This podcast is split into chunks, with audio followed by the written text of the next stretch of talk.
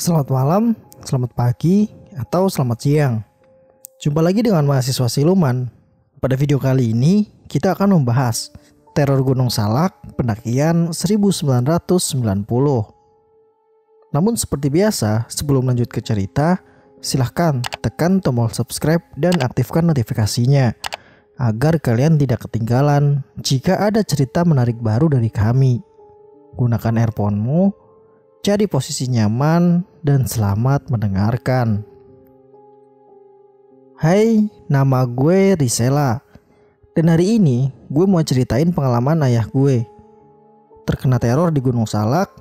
Sebelum cerita gue mau ngasih tahu, gue nggak pernah ke gunung. Terus pas ayah gue ceritain itu nggak dikasih detail-detail tempat atau pos-pos gitu. Jadi maaf kalau salah satu atau mungkin ada yang nggak sesuai dengan tempat. Selebihnya ini kejadian nyata yang dialami ayah gue dan berhubungan ini cerita pengalaman ayah gue. Jadi gue ngambil dari point of view-nya ayah gue. Dah mulai saja. Mei 1990 Gunung Salak jadi pagi itu gue lagi ada dikdas untuk pencinta alam. Terus gue sama beberapa teman-teman gue diajak buat ke situ. Sebenarnya badan gue waktu itu nggak terlalu fit sih. Cuma karena menurut gue masih bisa jalan, ya jadi gue ngikut aja. Seperti biasa, sebelum naik itu di bawah kita rame-rame, baca doa dan minta izin ke penghuni gunung. Perjalanan kami ke pos 1 berjalan baik-baik saja.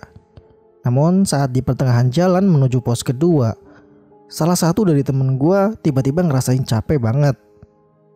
Akhirnya, kita balik lagi dan memutuskan untuk istirahat di sana untuk sementara. Dan di situlah semuanya dimulai. Saat itu salah satu temen gue yang kecapean tadi akhirnya tidur sebentar. Karena dia bilang dia bener-bener lemes banget. Terus gak lama Tiba-tiba dia meriang dan jerit-jerit. Terus akhirnya dia disuruh pulang saja sama salah satu teman gue yang lain. Habis itu ya kita lanjut aja sih. Walaupun salah satu dari temen gue ada yang sempat bilang. Kayaknya dia ketempelan deh. Soalnya gue tadi ngeliat ada sesuatu yang ada di belakangnya dia. Gue denger sih dia bilang gitu. Cuman gue diem aja Nah, pas kita udah jalan beberapa menit menuju pos kedua, tiba-tiba kita dengar suara fluid. Terus gue bilang, denger gak tuh? Semuanya ngangguk, dan karena ada suara fluid itu, akhirnya kita makin semangat buat naik. Karena kita ngira udah deket banget. Tapi anehnya, pas kita naik-naik tuh gak nyampe-nyampe gitu Padahal kedengaran banget tadi ada suara fluid. Tapi kita lanjut aja nanjak sampai akhirnya nyampe ke pos 2. Nah, karena kita berangkat agak kesiangan, jadi nyampe pos 2 tuh udah maghrib. Jadi ya udah kita netep di situ. Kita mutusin buat istirahat di tenda. Tapi waktu itu gue sama salah satu temen gue nggak terlalu capek, jadi kita mutusin buat ngopi di luar tenda. Beberapa menit kemudian, ada sebuah keluarga yang datang. Dua anak sepasang suami istri. Permisi, numpang duduk ya. Ucap ibu dari kedua anak itu. Ya kita langsung ngangguk dong. Lagian juga nggak apa-apa. Nah terus nggak lama temen gue ngajak ngobrol. Temen gue nanya dari mana pak? Tapi nggak ada salah satu dari mereka yang jawab. Dan semuanya tuh cuma nunduk doang. Tapi cuman ibunya yang senyum ke arah kita. Dan senyumnya itu lama banget. Ya karena nggak dijawab, teman gue akhirnya mikir dong. Mungkin gak kedengeran atau emang gak mau ngomong. Terus tiba-tiba teman kita pada manggilin dari tenda. Dan pas kita mau ngadep balik buat bilang, duluan ya pak. Itu keluarganya udah gak ada. Kayak yang hilang gitu lah. Tapi dari kejauhan kita sempat ngelihat keluarga itu. Cuman itu serem banget. Tangan mereka tuh ada yang buntung, terus kaki mereka juga ada yang gak ada. Bahkan ayahnya itu ternyata gak ada kepalanya. Ya terus karena ngerasa shock plus takut juga jadi kita langsung buru-buru nyamperin teman kita. Nah sampai sana kita cuma ngobrol-ngobrol aja sih. Tapi anehnya si Dana belum balik-balik dari ngambil kayu. Terus tiba-tiba si Dika bilang, Weh temenin gue ke toilet dong bre. Dan akhirnya temen gue berlima bareng-bareng nganterin Dika nyari toilet. Saat nganterin Dika sih sebenarnya biasa aja. Paling si Dika ngomong-ngomong gak jelas. Dan sampai toilet, ternyata ada saung yang letaknya tidak jauh dari toilet tersebut. Dan keluar toilet, si Dika kayak ketawa lalu bilang, hahaha, di situ tuh ada temanku. Kata dia sambil nunjuk-nunjuk saung tersebut. Gue sama yang lain bingung dong. Tapi gara-gara waktu itu gelap banget, jadi kita langsung cabut aja tuh berlima. Nah, posisi gue itu tuh paling belakang. Pas mereka lagi nanjak buat kembali ke tenda kita. Di situ gue nggak tahu apa yang gue lagi pikirin. Tapi tiba-tiba gue itu nengok ke belakang. Lebih tepatnya sih nengok ke arah saung. Dan tiba-tiba gue ngeliat cewek tinggi banget. Kayak kunti tapi tingginya 3 meteran. Dan karena gue kaget, gue langsung buru-buru nyusul temen yang lain. Sebelum nyampe ke tenda, kita kan ngelewatin hutan-hutan gitu kan. Terus gue pas lagi jalan, gue ngeliat dari mata gue di sebelah kanan ada cewek itu lagi. Tapi kali ini dia senyum. Kalian pernah gak sih lagi lihat ke depan, tapi mata kalian juga ngeliat apa yang ada di samping tanpa nengok. Nah, gue tuh kayak gitu tuh.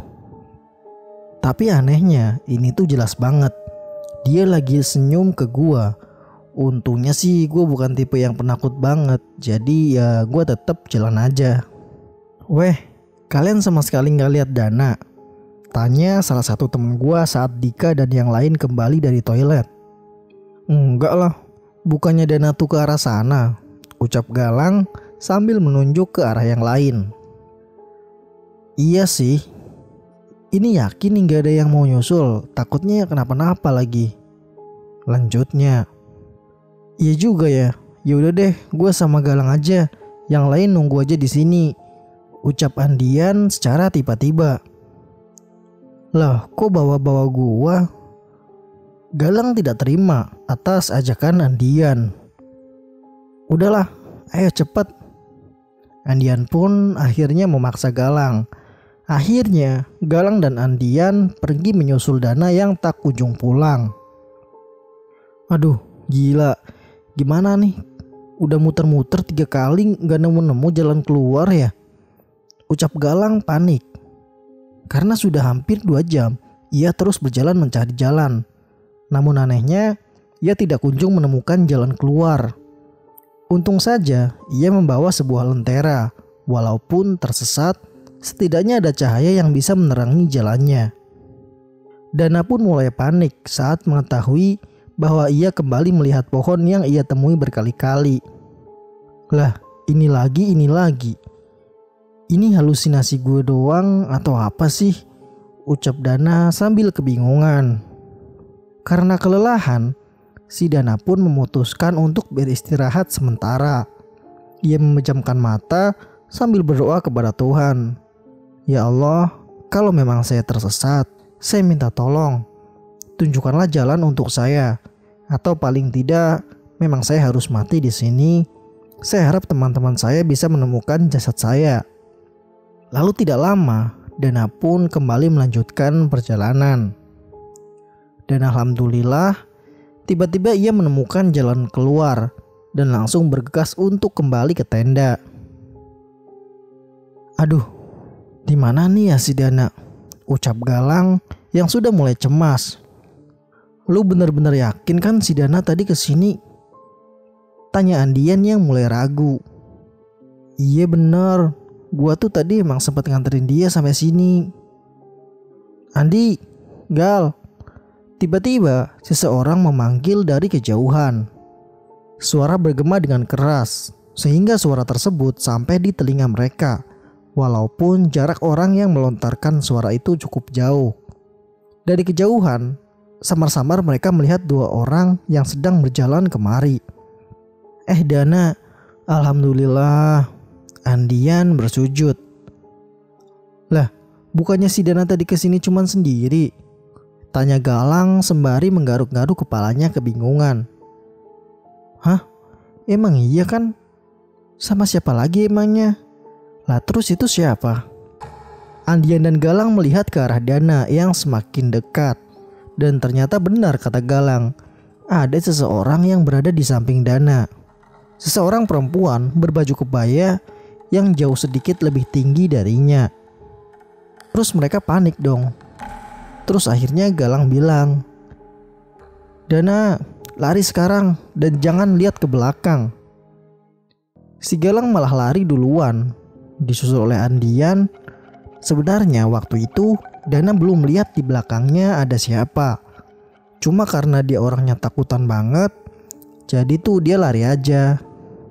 Kata temennya yang indigo, itu sebenarnya Pas mereka lari, mereka dikejar-kejar sosok aslinya si perempuan itu. Gue nggak tahu gimana wujudnya, tapi katanya serem banget. Bahkan katanya kalau aja si Dana nengok ke belakang, dia bisa saja pingsan waktu itu.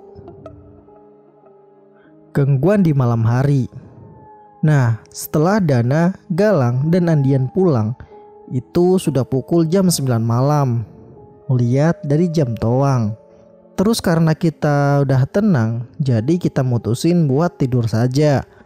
Dan pas tidur, gue sempat kebangun beberapa kali karena suara ramai dari luar. Ki, Ki, Tono mencoba membangunkan temannya yang berada di sampingnya. Namun ia tak kunjung bangun.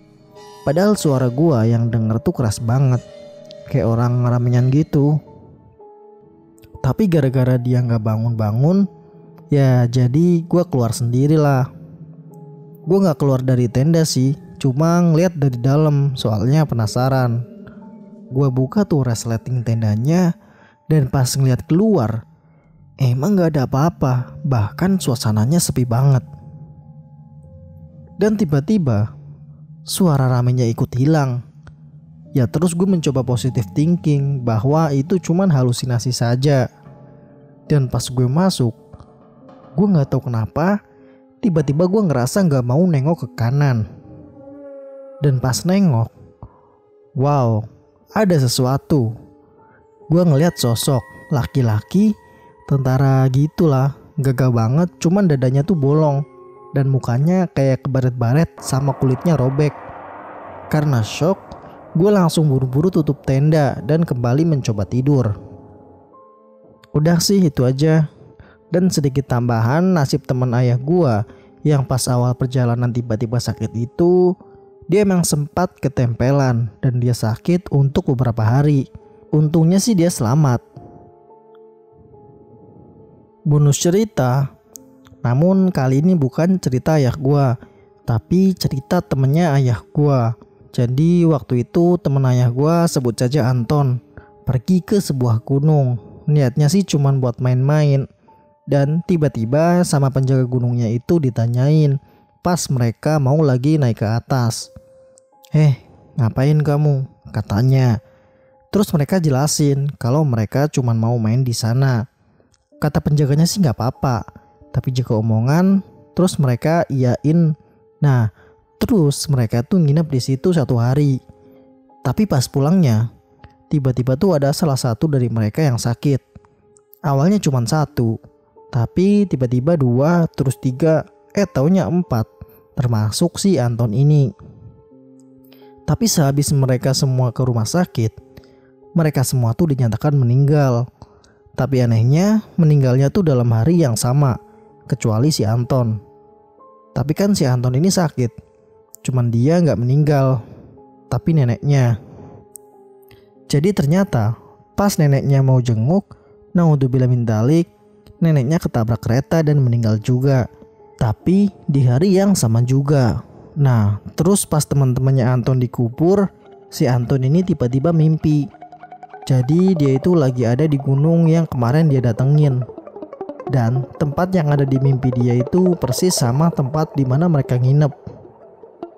Terus tiba-tiba ada kakek-kakek pakai jubah gitu dan sebuah tongkat. Tongkatnya tuh kayak kayu, tapi ada kepala ular. Dan di belakang kakek-kakeknya itu ada teman-temannya yang udah meninggal bertiga, termasuk neneknya. Terus kakek itu bilang, teman-teman kamu ini saya kunci di sini. Dan saking shocknya si Anton, dia itu langsung bangun. Tapi anehnya langsung sembuh. Tapi kata Anton sebelum dia bangun, teman-temannya ini ngajakin dia kayak ikut gitu. Ayo sini, di sini aja, enak kok. Tapi si Anton tuh nolak dan lari. Sampai akhirnya dia kebangun dan ternyata teman-temannya itu dikunci gara-gara mereka tuh ngomong kasar di sana. Tapi tetap aja ya, orang aslinya sudah nggak ada. Yang ada di sana tuh cuman jin yang menyerupai mereka. Tapi intinya jaga sikap di mana pun kalian berada. Apalagi kalau di gunung. Jadi begitulah teror pendakian Gunung Salak tahun 1990-an. Percaya nggak percaya, kembali ke pribadi masing-masing. Buat kalian yang punya cerita menarik seputar pendakian atau cerita horor lainnya, silahkan kirim ke email yang ada di deskripsi atau bisa juga DM di Instagram mahasiswa siluman. Sampai jumpa di video kami selanjutnya. Salam lestari, mahasiswa siluman.